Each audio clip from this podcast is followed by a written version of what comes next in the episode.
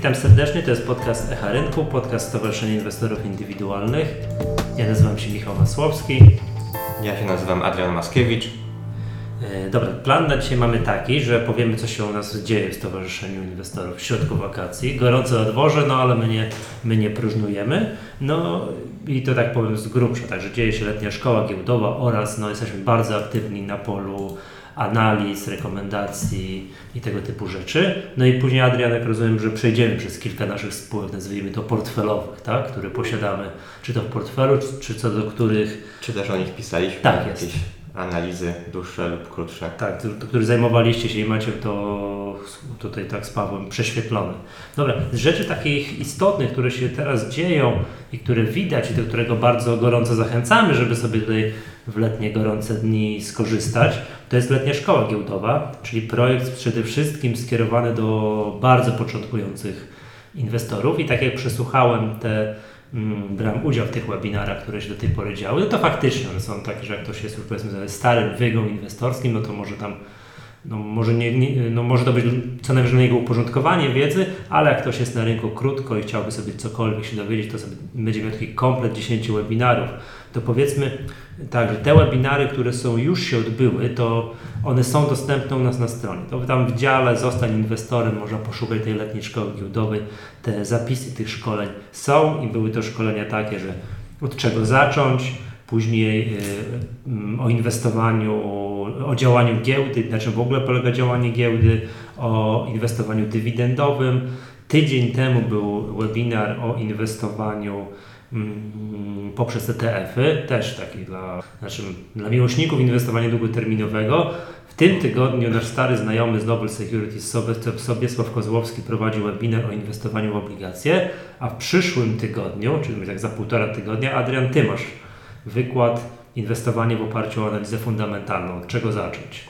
Dokładnie. W tym roku przypadł mi właśnie taki temat, e, więc będzie, będę w trakcie tego webinaru mówił właśnie o analizie fundamentalnej, przy czym e, głównie skupimy się na, e, na tym, gdzie szukać w ogóle informacji o spółce właśnie takich fundamentalnych, no i jak analizować sprawozdania finansowe. No niestety webinar ma tylko godzinę, a przynajmniej w takim zakresie będę starał się zmieścić, więc no wiadomo, że to temat jest o wiele bardziej obszerny, no ale myślę, że, że postaram się jak najwięcej tam jakichś ciekawych rzeczy przekazać w trakcie tej, tej godziny. No ale podkreślmy jeszcze raz, że to są jakby cały cykl tej letniej szkoły giełdowej. To nie jest cykl zostań profesjonalnym inwestorem, tylko w ogóle zostań inwestorem. Tak? Także to, to jakby ten godzinny, to jest taka pigułka wiedzy, która później pozwala samemu, bo ktoś nic nie wie, to samemu później się no, przynajmniej wiedzieć, no, w którym kierunku należy szukać. Kolejne webinary, które się odbędą, no, to są o, y, jest webinar o kontraktach terminowych, no to samo z siebie dla nieco bardziej zaawansowanych inwestorów, ale powiedzmy sobie warto wiedzieć. Kolejno o psychologii giełdowej, następnie jest o wykład o certyfikatach turbo, które też są notowane u nas na giełdzie i na sam koniec Sebastian Zadora z Bosia o inwestowaniu poprzez rachunki IKE, IGZE i wiem, że będzie parę słów o PPK. No, co też ciekawe, bo teraz mamy, mamy lipiec, końcówkę lipca, program PPK ruszył, więc już za chwileczkę będziemy mieli, czy już mamy, czy będziemy mieli pierwsze odczyty, jak nam to PPK idzie. No i z tego, co ja się orientuję, jak są robione wywiady, powiedzmy sobie, zarządzającymi dużych TFI, które zgłosiły się do PPK, że chcą zarządzać tym PPK, że, że i te odczyty są takie, że mm, podpisują umowy z kolejnymi dużymi zakładami. Także no, wygląda na to, że że na razie to wszystko idzie, wszystko idzie dobrze, tam jakby no, czas będzie płynął i coraz mniejsze podmioty będą mogły do, do tego PPK przystępować. Także jestem ciekawy, jak to 11 września będzie ten, ten webinar, czy będziemy mieli już więcej danych, no, czy sukces, czy nie sukces, tak? Czy to chętnie się zapisujemy do tego PPK, czy nie. Mnie bardzo interesują takie dane, czy jakieś przedsiębiorstwo duże, no nie wiem, zamknę jedno oko, któreś energetyczne, PGE, które ma zatrudniono zamknę jedno oko, kilkanaście tysięcy osób, to czy w ramach takiego przedsiębiorstwa to faktycznie no, zdecydowana większość, nie wiem, 100%, 90% pracowników mówi tak, przystępujemy do PPK, czy też ten procent rezygnacji jest, jest spory. Podejrzewam, że im większy tego typu przedsiębiorstwo, tym, mm, no tym jednak jest dużo ludzi przystępuje, raczej należy się tego spodziewać. Też no, jestem ciekawy, jak to wypadnie w tych największych przedsiębiorstwach, natomiast myślę, że jeszcze bardziej jestem ciekawy, jak będzie to wyglądało w tych mniejszych firmach jakie tam będzie zainteresowanie jeśli właśnie chodzi o PPK. Natomiast to już e, raczej kolejny rok się będzie. Tak, oczywiście, bo, bo teraz jest chyba tak, że chyba przystępują te przedsiębiorstwa tak. powyżej 250 osób, czyli te. No, zdecydowanie te największe. Czyli te duże, tak? Których powiedzmy jest relatywnie mało, tak. e, jeśli chodzi o liczbę wszystkich e, przedsiębiorstw w Polsce. Natomiast no, też będzie to pewnie jakiś wyznacznik, jak, jak mogą e, w przyszłości wyglądać te, mhm. te zapisy. Tak, yy, przypomnij mi, że w naszym zeszłorocznym badaniu, ogólnopolskim badaniu inwestorów, my zadaliśmy takie pytanie, czy ty, drogi tam inwestorze, drogi Kowalski, zapiszesz się do PPK. Ono było troszkę źle zadane, bo zapisać to zostanie zapisane. Pytanie było, czy się wypiszesz, tak? E, no i co by nie było, odpowiedzi były takie, że więcej niż 50% osób zadeklarowało, że nie chce uczestniczyć w PPK jako jeden z powodów wskazując, zawiodłem się na OFE, nie ufam żadnym państwowym rozwiązaniom, będę sobie sam oszczędzał na emeryturę. Tak? Natomiast to przypomnijmy, badanie było robione no, po pierwsze rok temu, po drugie wśród no, grupy aktywnych inwestorów giełdowych. No, zadałem w tym roku ogólnopolskie badanie inwestorów rusza w przyszłym tygodniu, tam w, od sierpnia.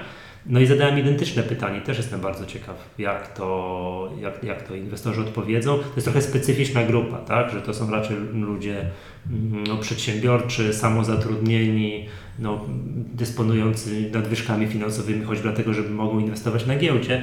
No i oni raczej negatywnie na to patrzą, co też pokazuje, to też była bardzo, kiedy można powiedzieć, wynik tego badania w pigułce był widoczny na dwóch ostatnich konferencjach Wall Street, kiedy były dwa rok temu i w tym roku dyskusje panele o PPK i co się działo, kiedy zabiera, zabierali głos ludzie z publiczności.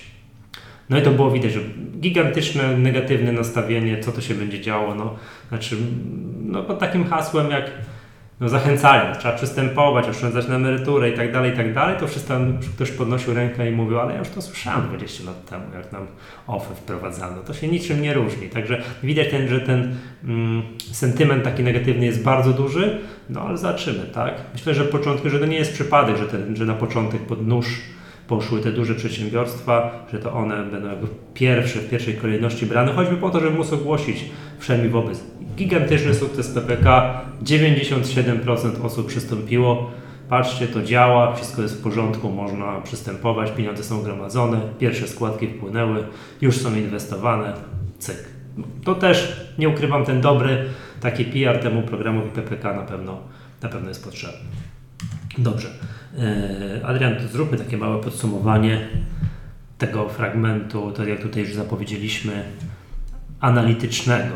Jakie ostatnio ciekawe według Ciebie analizy, na które warto zwrócić uwagę słuchaczy i na które powinniśmy skierować. Od razu tu powiem, że do wszystkich tych analiz no, podlinkujemy w notatkach, notatkach tego odcinka, także no, powiedz o czym chciałbyś i na jakie analizy dzisiaj chciałbyś zwrócić uwagę. No myślę, że zaczniemy od dwóch spółek. Pierwsza to Team, druga to PKP Cargo. E, natomiast e, myślę, że wstępem do obydwu tych spółek e, będą dobrze zacząć rozmowę o nich na temat danych z gospodarki, które na przełomie dwóch ostatnich tygodni mieliśmy odczyty z, mhm. z GUS-u i dotyczą one produkcji przemysłowej produkcji budowlano-montażowej. Mocno niekorzystne E, dane, bo po, e, po pięciu miesiącach wzrostu w czerwiec okazał się e, tutaj pokazać ujemne dynamiki. Produkcja przemysłowa minus 2,7% rok do roku, produkcja budowlano-montażowa minus 0,7% rok do roku, czyli spadły tutaj te odczyty. No i to było dość duże zaskoczenie dla rynku i analityków, którzy no z jednej strony oczekiwali też nieco pogorszenia w samym czerwcu, głównie wskazując na efekt kalendarzowy, czyli Mieliśmy w tym czerwcu dwa dni robocze mniej niż rok temu, e, bo tam też święta wypadły. To ma znaczenie? Tak, to ma dość duże znaczenie. No, jeden dzień roboczy to jest naprawdę, naprawdę sporo, gdzie można wypracować e, w skali gospodarki, więc no, dwa dni robocze mniej do bazy porównawczej to robi dość sporą różnicę. Więc tutaj też na pewno w pewnym stopniu przełożyło się to na te odczyty, no natomiast one i tak były jeszcze gorsze niż to, co oczekiwali analitycy, biorąc pod uwagę ten efekt, efekt kalendarza. więc to negatywne odczyty. No i to było tłumaczone, czy próbę wytłumaczenia aż tak słabych danych, tutaj analitycy zwracali uwagę między innymi, między innymi na te wysokie temperatury, które mieliśmy e, w czerwcu i właściwie w lipcu cały czas one trwają. Co e, trochę się słyszy, że jakieś rekordy od wielu lat są bite, jeśli chodzi o, e, o wysokość tych temperatur. No i to no, szczególnie w produkcji budowlano-montażowej no, mogło się odbić na pewne przerwy w pracach dłuższe ze względu właśnie na te wysokie temperatury. E, do tego mamy jeszcze te dwa dni robocze, mniej więc to, to mhm. wszystko rzeczywiście mogło się złożyć na, mm, na te ujemne dynamiki. Natomiast niektórzy też jeszcze wskazywali na przykład na wcześniejsze wakacje, bo w tym roku rok e, szkolny się troszeczkę szybciej skończył. E, no i tutaj też zwracali właśnie niektórzy uwagę, że być może z tego względu urlopy były trochę wcześniej zaplanowane, więc kilka tych negatywnych czynników mogło się złożyć, tak? bo po prostu więcej ludzi w tym roku już w czerwcu. Aha. A dla takiej spółki jak Team, która handluje elektronarzędziami, to tak, rozumiem, że to ma bezpośrednie przełożenie. Oczywiście, że mhm. tutaj właśnie przechodząc może właśnie do Teamu, e, spółka e, miała dość słaby odczyt sprzedażowy za E, za czerwiec e, publikuje miesięczne dane na temat sprzedaży e, i w czerwcu przychody wzrosły o 3% rok do roku, natomiast w kanale e-commerce tam około 70% przychodów pochodzi właśnie z, ze sprzedaży internetowej. W kanale e-commerce te przychody spadły o 12% rok do roku. Mhm. Natomiast to spółka też tłumaczyła głównie mniejszą liczbą dni roboczych, no bo w teamie to rzeczywiście jeden dzień roboczy na, na milion, dwa miliony przychodów potrafi się przełożyć, więc no te dwa dni robocze tutaj też pokazuje, że to robi różnicę. To ma aż takie znaczenie, że ktoś ma kupić wiertarkę mhm. i to nie, jak wyszło mu, że jest wolne, to nie, nie kupi w pierwszy następny dzień po tym święcie. No to nie do końca też tak działa, no bo jednak jak ktoś ma kupić wiertarkę, to ją kupi, no ale właśnie. tutaj jednak chodzi głównie o o tym, o czym mówiliśmy wcześniej, o pewne prace budowlane i, i tak dalej. No, a skoro mniej się robi, no to, to mniej się też kupuje, bo jest mniejsze zapotrzebowanie na te towary. No raz, masz, e, masz więc, więc no, to, mhm. ma, to ma naprawdę mhm. dość sporą różnicę. E, no tym bardziej, że tutaj team głównie sprzedaje B2B, tak? czyli business to business, mm, więc no tym bardziej takie czynniki mają wpływ tutaj e, na, na sprzedaż. Więc e, akurat Team opublikował dane przed, e, te dane miesięczne sprzedażowe przed danymi z gospodarki, więc to było wiadomo już wcześniej. Natomiast myślę, że same te dane płynące z gospodarki też mogły tutaj nieco może negatywnie wpłynąć na sentyment do spółki, no bo też te notowania w ostatnim czasie no, dość, dość mocna korekta tam wystąpiła. Tam nawet z 10 zł do 8,5 spadł kurs akcji. Chociaż warto też zwrócić uwagę, że e, no właściwie tam od listopada, grudnia mieliśmy dość mocne zwyżki. No, no bo, zanim była ta tak, korekta, to właśnie, była bardzo, bardzo solidne wzrosty. Myślę, że na razie można mówić mm. o mhm. korekcie, no bo wcześniej Team praktycznie 100% dał zarobić, tam notowania właśnie z około 6,5 do tych 10 urosły a w grudniu była także wypłacona dywidenda 1 zł na akcję. E, więc... To było e, duże zaskoczenie, pamiętam, że w tym grudniu mm. nagle była pstryk, tak z zasadzki, z niczego, dywidenda i ona była 13%. E, myślę, że trochę było to rzeczywiście pozytywną niespodzianką, że aż złotówka i też tutaj spółka zdecydowała się na wypłatę zaliczki, no bo w grudniu to była jeszcze zaliczka. I to też zysków z kilku lat była. Tak, to, to, to właśnie była ta mhm. kwestia, że krótko mówiąc o historii Teamu, w 2013 roku spółka właśnie zmieniła swój model ze sklepów stacjonarnych, e, rozpoczęła budowę e, sklepu internetowego. E, no i to się trochę przeciągnęło, można tak powiedzieć, w czasie, ponieważ właściwie do 2017 roku spółka notowała stratę ze sprzedaży, E, więc e, realizowane przychody nie były w stanie pokryć e, kosztów tej podstawowej działalności. Dopiero w 2018 udało się zbudować na tyle dużą bazę przychodową, że pojawiły się zyski. No i to było też takim przyczynkiem do tego, żeby spółka wypłaciła tą zaliczkę, właśnie tak jak zarząd tutaj tłumaczył, miała, miało to być w pewien sposób wynagrodzenie długoterminowych akcjonariuszy, którzy byli z spółką w czasie e, tej transformacji e, właśnie z modelu stacjonarnego na e-commerce. E, No i stąd właśnie aż złotówka dywidendy tam z kapitałów. E, Właśnie spółka ma, założyła fundusz dywidendowy mm, i to właśnie z tego funduszu dywidendowego w zdecydowanej większości ta dywidenda została wypłacona. No i tu to właśnie wracając do tych wyników finansowych, e, wydaje się, że e, czerwiec właśnie był takim trochę wypadkiem przy pracy, jeśli chodzi o te dane z gospodarki, te ujemne dynamiki, o których mówiliśmy. Analitycy też raczej zwracają uwagę, że kolejne miesiące mogą już być e, lepsze. Może ta dynamika rzeczywiście trochę spowolni, ale będzie dodatnia. To to już jest jakby jeden, myślę, pozytywny argument. Ale to nie wiemy, no bo tak patrząc, to na początek lipca to był umiarkowanie chłodny, ale teraz no, no, no chłodno nie jest na dworze, tak? Tak, to, ale, ale nie mamy tego efektu kalendarzowego, dwóch dni roboczych A, mniej, okej. więc to też może trochę, trochę wpłynąć. E, no w każdym razie póki co, pomimo tego słabego czerwca, analitycy są raczej optymistycznie nastawieni. Natomiast wracając do teamu, no to tak jak mówiliśmy, 2000 2018 rok pierwsze zyski na sprzedaży wykazane.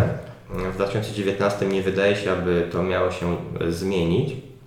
E, Wręcz pierwszy kwartał naprawdę też bardzo fajne wyniki pokazała spółka. E, Zobaczymy jak e, też e, miesięczne raporty będą spływać za lipiec e, i sierpień. Jakie dane spółka w tym, tych cyklach miesięcznych pokazuje? Dla podmiotu dominującego Team SA pokazuje przychody ze sprzedaży i w tym wydziela też przychody z e-commerce. Okej. Więc to są tylko, tylko dane o przychodach. E, No i jeśli te pozytywne tendencje z pierwszego kwartału się utrzymają, na wszystko chyba wskazuje na to, że się utrzymają, e, to, to spółka tutaj i zwiększa przychody i jest szansa na to, że dalej e, poprawi marże, więc to powinno się przełożyć na, na wyższe zyski. E, Więc myślę, że póki co team, e, pomimo tej tą przecenę należy traktować e, raczej chyba przez pryzmat korekty póki co. No przynajmniej moim zdaniem fundamentalnie cały czas bardzo, bardzo interesująco wygląda ta spółka. A jeśli ktoś chciałby więcej poczytać, czy to wiedzieć o teamie, no to tutaj myślę możemy śmiało odesłać do Kiedy? naszej No bo napisaliście Tak. rekomendacje, tak? Tak, jest w maju, więc właściwie cały czas jeszcze świeży raport. W maju jako Dom Analizy opublikowaliśmy rekomendację inwestycyjną dla, dla spółki Team. E, No i z nią można się oczywiście bezpłatnie, każdy może zapoznać się na naszej stronie internetowej www.domanaliz.pl To było, Tam. to było w maju, to patrzę na ceny w maju była między 8,5 a 9 zł, a jaką w tej rekomendacji majowej, tak z danymi na maj yy, zarekomendowaliście, znaczy podaliście cenę docelową? No ja tutaj oczywiście też odsyłam, żeby zapoznać się z raportem i to, co stało za tą ceną docelową, z naszymi prognozami i, i założeniami do tego modelu wyceny. E, natomiast e, z naszego modelu cena docelowa wyniosła 11,5 zł. Tak, ja też tutaj odsyłam do jednego z tam z historycznych odcinków naszego podcastu, kiedy mówiliśmy, na co trzeba zwracać uwagę przy czytaniu rekomendacji, że to, to ja to Cię tak wyciągnąłem oczywiście naj- najbardziej interesujący fragmencik, no to na ile, tak, jaka jest cena, cena docelowa, ale że to słusznie zwróciłeś uwagę, że oprócz tej ceny docelowej to trzeba tam no, przejrzeć, tak, Mhm. Co to, jakie Skąd, skąd założenia. się to wzięło? Tak, i czy my jesteśmy w zgodzie z tymi założeniami, czy to nam pasuje, czy nie, no bo wtedy, to wtedy, jeżeli nie, to ktoś inwestor ma własny pogląd na ten temat, no to, no to się cała analiza dla niego nie zgadza. Tak, także krótko podsumujmy ten poprzedni podcast dotyczący właśnie rekomendacji. Cena docelowa jest tutaj chyba najmniej istotną, e, istotną linijką tej rekomendacji. Ale jakże interesujące. ale jakże interesującą i, i jakże potem e, niektórzy próbują analityków oceniać tylko po tej cenie docelowej. Jasne, Mm, dobrze. e, Okej, wiesz co, to rozumiem, że to jakby ten fragment, bo nawet nie wiedziałem, chciałem zadać takie pytanie, na co trzeba zwracać uwagę, na jakie dane zewnętrzne przy analizie takiej spółki jak Team, no to pierwsze to powiedziałeś, że to są te dane dotyczące produkcji przemysłowej. E, Czy akurat Tak. e, w przypadku teamu bardziej tutaj myślę na produkcję budowlano-montażową, Okej, bo już tak bardziej czy Tak. tak, jasne. No bo to, no, no wiadomo, no, tak, bo, jednak bo głównie tym się, tym się zajmują, skoro to jest dystrybucja, sprzedaż elektronarzędzi, no to Tak, jeszcze krótko o tych Mhm. czynnikach ryzyka w teamie, bo na pewno warto też o tym sektorze budowlanym e, na niego wskazać. E, Różne są e, prognozy co do właśnie przyszłości budowlanki. Być może ten szczyt koniunktury już jest za nami. Myślę, że z taką tezą też sporo osób by się zgodziło.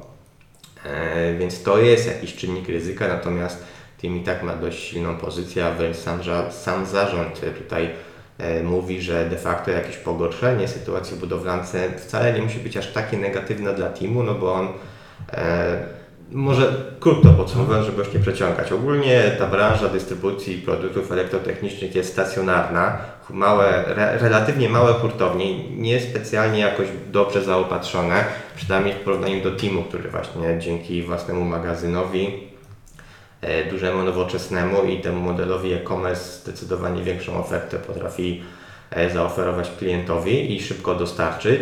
Jest to, to jest dość istotna przewaga, myślę też e, teamu, jeśli chodzi o takie trudniejsze czasy w, w budowlance, chociażby właśnie zaoferowanie tej dużej liczby towarów. Znaczy, żebym to dobrze, dobrze rozumiał, dlaczego zarząd teamu twierdzi coś takiego, że no mówić tak powszechnie, że chyba mamy w branży budowlanej, no to już jest bańka, że to już wszyscy budują, wszyscy tak, że, no, że jakby to jest nowe hobby Polaków, tak, inwestycje w nieruchomości, yy, że gdyby ta bańka miała nam tutaj no, troszeczkę pęknąć i te ceny miałyby spaść i no i mniej chętnie by się budowało i dlaczego to miałoby nie wpłynąć na działalność teamu? Nie mówię, że nie wpłynąć, e, no bo to wiadomo, że na pewno w jakiś sposób wpłynie.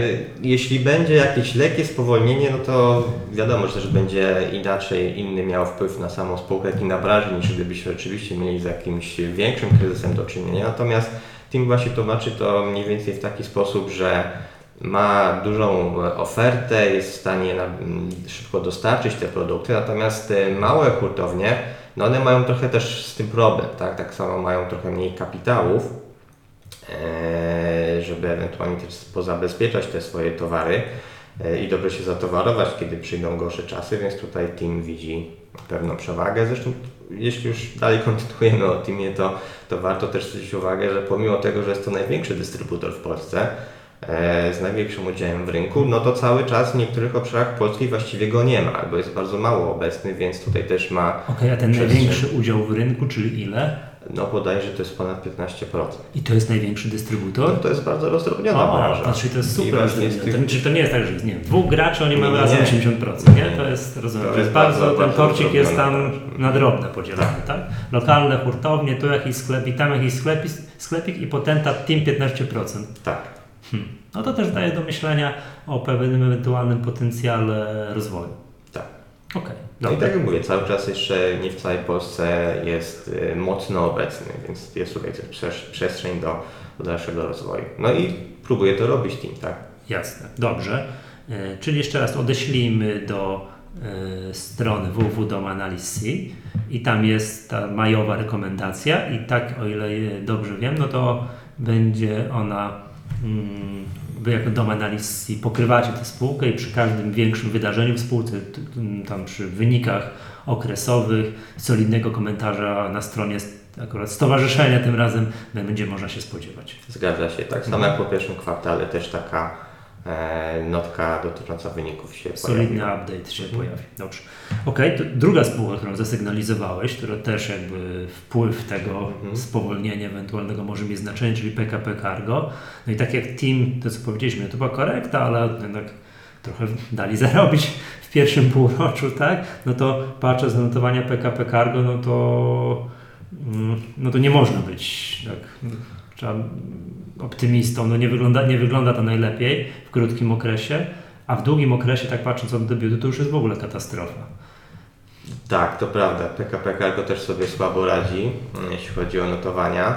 E, też co ciekawe, tam pierwszy kwartał pozytywnie zaskoczył wynikami i zyskami. Mieliśmy nawet tam do czynienia z luką wzrostową, tam z 41 do 45 notowania już, już na otwarciu e, zanotowały taki wzrost.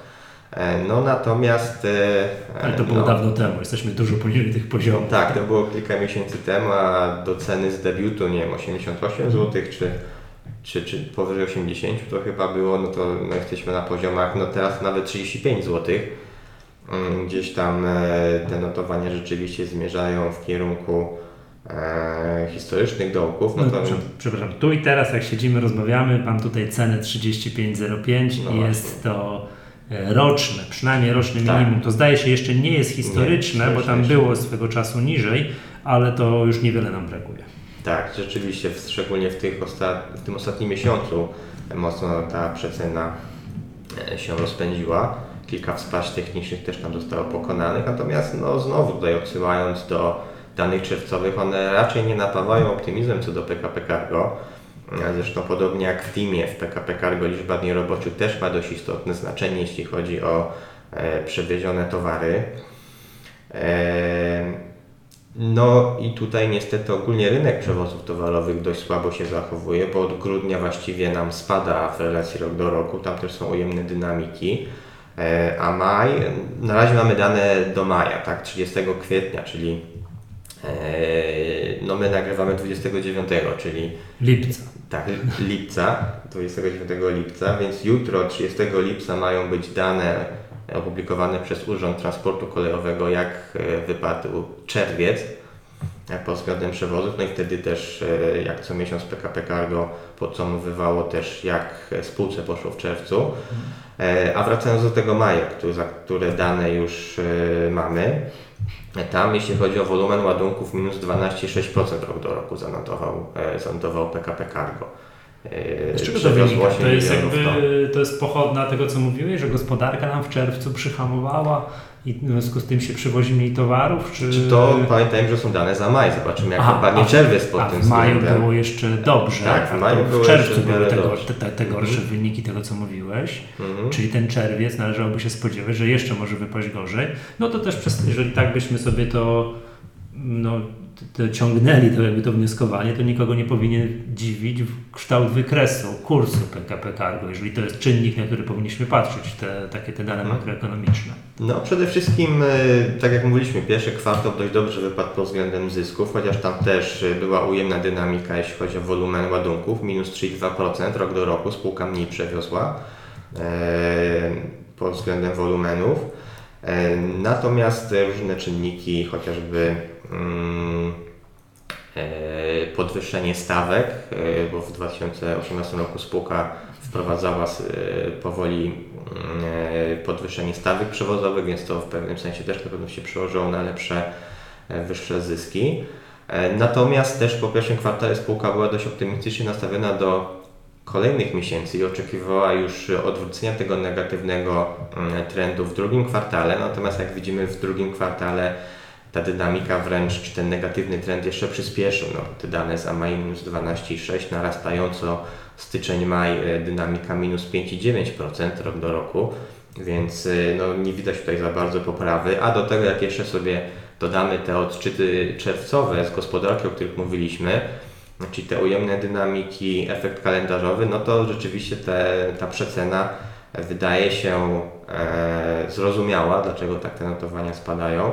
No bo wydaje się, że ten czerwiec też może być dużym wyzwaniem dla spółki, a sama spółka też mówi, że raczej obecnie na trzeci kwartał się zapatruje, może raczej na końcówkę trzeciego kwartału, żeby te przewozy, ta, czy ta sytuacja rynkowa troszeczkę się poprawiła. Tutaj też jest taka ciekawostka, no bo PKP Cargo e, dość dużo wozi też węgla i tutaj e, to, na to też analitycy zwracali uwagę, że te wysokie temperatury niekoniecznie, z, niekoniecznie przełożyły się na zwiększenie zapotrzebowania na węgiel, jeśli chodzi do produkcji energii, tak?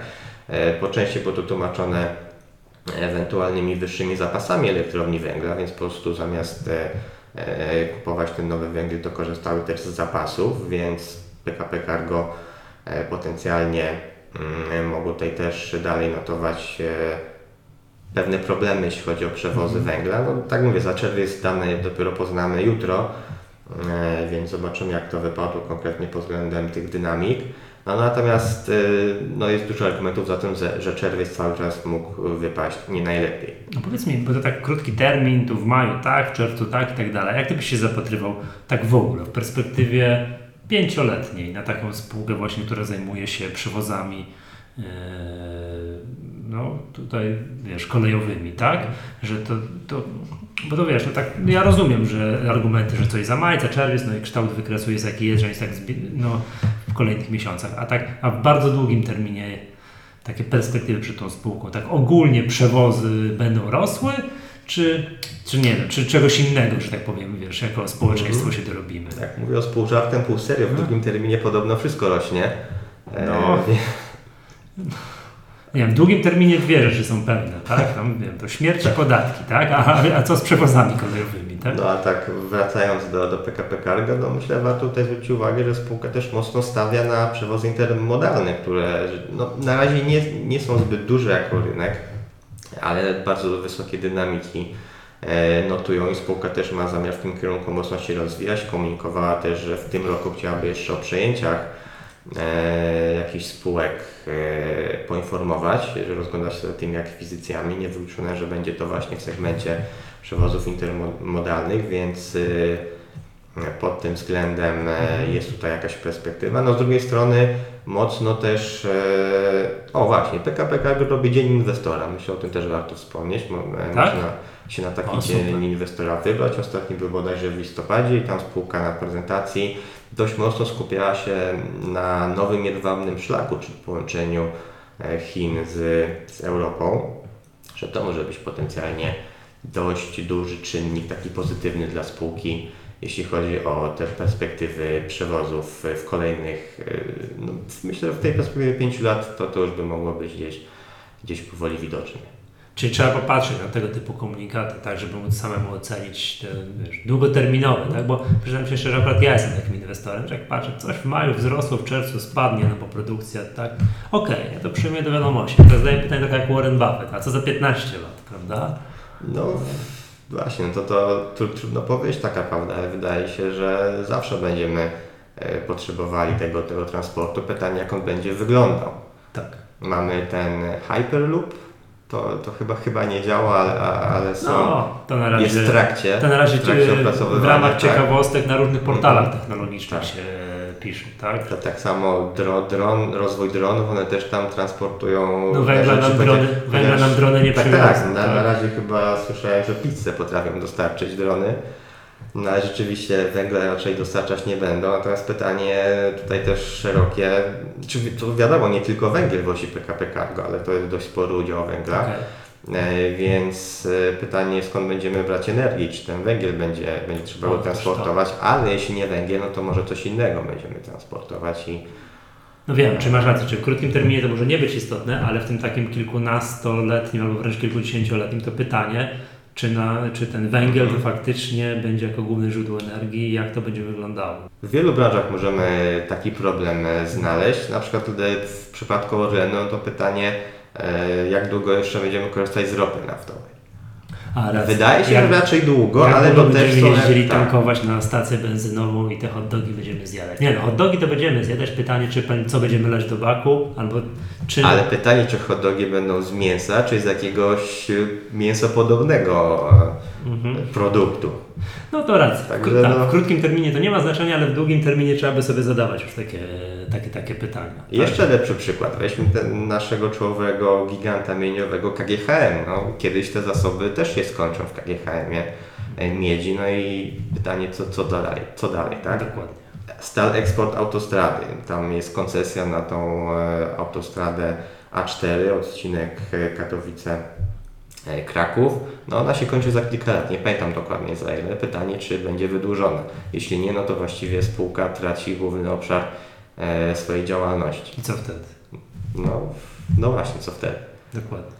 Wiesz co, tak patrzę jeszcze, wracając się na sekundkę tego PKP Cargo i tak Mhm. podsumowując, to ma bardzo ciekawy skład akcjonariatu, bo oprócz Tak. Skarbu Państwa, który ma 33%, to ja tak rzuciłem okiem, to są chyba wszystkie OFE TFI, jakie ja potrafię nazwać, przypomnieć sobie, to są w akcjonariacie tego, tego PKP Cargo, więc jednak analitycy, no, którzy kładą na to pieniądze, mm, no to jednak w długim terminie widzę zasadność inwestycji w przewozy kolejowe. No, kurs nie pomaga w wycenie aktywów aktualnie, ale, ale no, to skład akcjonariatu jest imponujący. No jest to, czy była to na pewno bardzo duża spółka przy debiucie, no wiadomo, teraz troszeczkę kapitalizacja się zmniejszyła i jej wartość giełdowa, no natomiast e, no była to spółka Skarbu Państwa, więc tego może już nie pamiętamy, ale jeszcze 4 lata temu właściwie spółki Skarbu Państwa były gwarantem dywidend, to całkiem niemałych, No teraz troszeczkę się to zmieniło i sentyment też się odwrócił. Ale to Więc- PKP Cargo po paru latach przerwy wypłaciło w tym Tak. roku y, dywidendę tam za 2018 rok, półtora złotego, więc coś tam jednak zarząd, akcjonariusze widzą, Mhm. widzieli możliwość wypłaty tej dywidendy, no to tak na mały plusik, tak, po stronie, Tak. po stronie e, pozytywów tutaj. Natomiast e, w tym, nazwijmy to długim terminie, z tą dywidendą też różnie może być i są tutaj pewne obawy, no bo spółka musi praktycznie cały tabor kolejowy wymienić. 85% wagonów na wagony ciche tak zwane, to jest rozporządzenie e, Unii Europejskiej. Tak? Jest E, coś tak, takiego? musi coś takiego zrobić, już mówię dokładnie do którego roku. Ale co, że ten skład E. kolejowy przejeżdżając przez wieś musi mniej hałasować? Tak, musi, bo teraz, teraz ogólnie spółka, tabor kolejowy PKP Cargo ma jakieś 30 lat średnio. Mhm. Więc no to jest dość, to, to są stare technologie, stare, e, stare wagony, więc z jednej strony spółka musi to wymienić do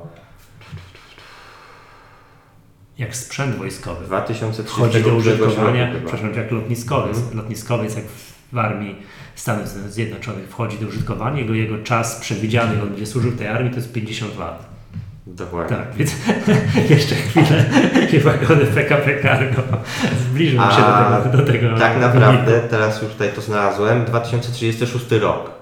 Czyli jakieś 15 lat na to mają, to 30 plus 15, To blisko. 45. Jak, czyli jak, gdzieś dobry tam- lotni, jak dobry amerykański lotniskowiec, Tak. zgadza się. E, Także z jednej strony muszą to zrobić. Obecnie grupa dysponuje około 60 tysiącami wagonów. E, No i około 85 to są właśnie te stare wagony, które trzeba, trzeba wymienić, czyli około 50 tysięcy wagonów spółka będzie musiała wymienić na właśnie nowe, więc dość, dość spore tutaj te inwestycje się szykują w najbliższych latach. No jest to rozłożone też na wiele lat, e, no bo do 2036 roku jest, jest trochę czasu, więc wydaje się, że dobrze, że spółka już teraz się za to bierze. Natomiast to ma też drugi wymiar. No wiadomo, że wagony sprzed 30 lat no raczej nie są zbyt nowoczesne, więc wymiana ich na, na nowe, no, nowych technologii będzie też e, w stanie mocno zwiększyć efektywność e, tego transportu, więc też, też tutaj na pewno no w efekcie to powinno się korzystnie przełożyć na wyniki e, wymiana właśnie tego taboru na nowoczesny. Okej. E, Jak rozumiem, osoby mm, zainteresowane, które tam śledzą PKP Cargo, to jak już wysłuchały tych argumentów, możemy odesłać do raportu. Tak, z PKP Cargo zrobiliśmy taką krótką analizę, czyli ja ją opublikowałem, e, podlinkujemy ją właśnie tutaj w akapicie e, z podcastem. E, No nie powiedzieliśmy, mimo wszystko, że już dość długo o tym PKP Cargo rozmawiamy, nie powiedzieliśmy jeszcze wszystkiego, więc e, tam jeszcze pewne rzeczy będzie można sobie doczytać, mm, doczytać na e, właśnie w tej analizie. Okej, dobrze. Proponuję Adrian na dzisiaj zakończyć. Zapowiedzmy tylko, że w kolejnym odcinku opowiemy o spółkach też dystrybucyjnych, ale z branży, troszeczkę, z troszeczkę innej, innej, innej branży, tak? Czyli powiemy tutaj już konkretnie o spółkach AB, Asbis, no i zobaczymy, co tam jeszcze, jakie spółki na A przyjdą nam yy, na myśl. No ja już mam jedną na myśli i chętnie bym o niej opowiedział, ale to może zostawmy tak trochę owiane tajemnicą, ale, ale myślę, że sp- spokojnie te trzy y, omówimy na kolejnym y, podcaście. Dobra, to dziękuję serdecznie. To był podcast Echa Rynku. Ja nazywam się Michał Masłowski. Ja nazywam się Adrian Mackiewicz. Do usłyszenia następnym razem.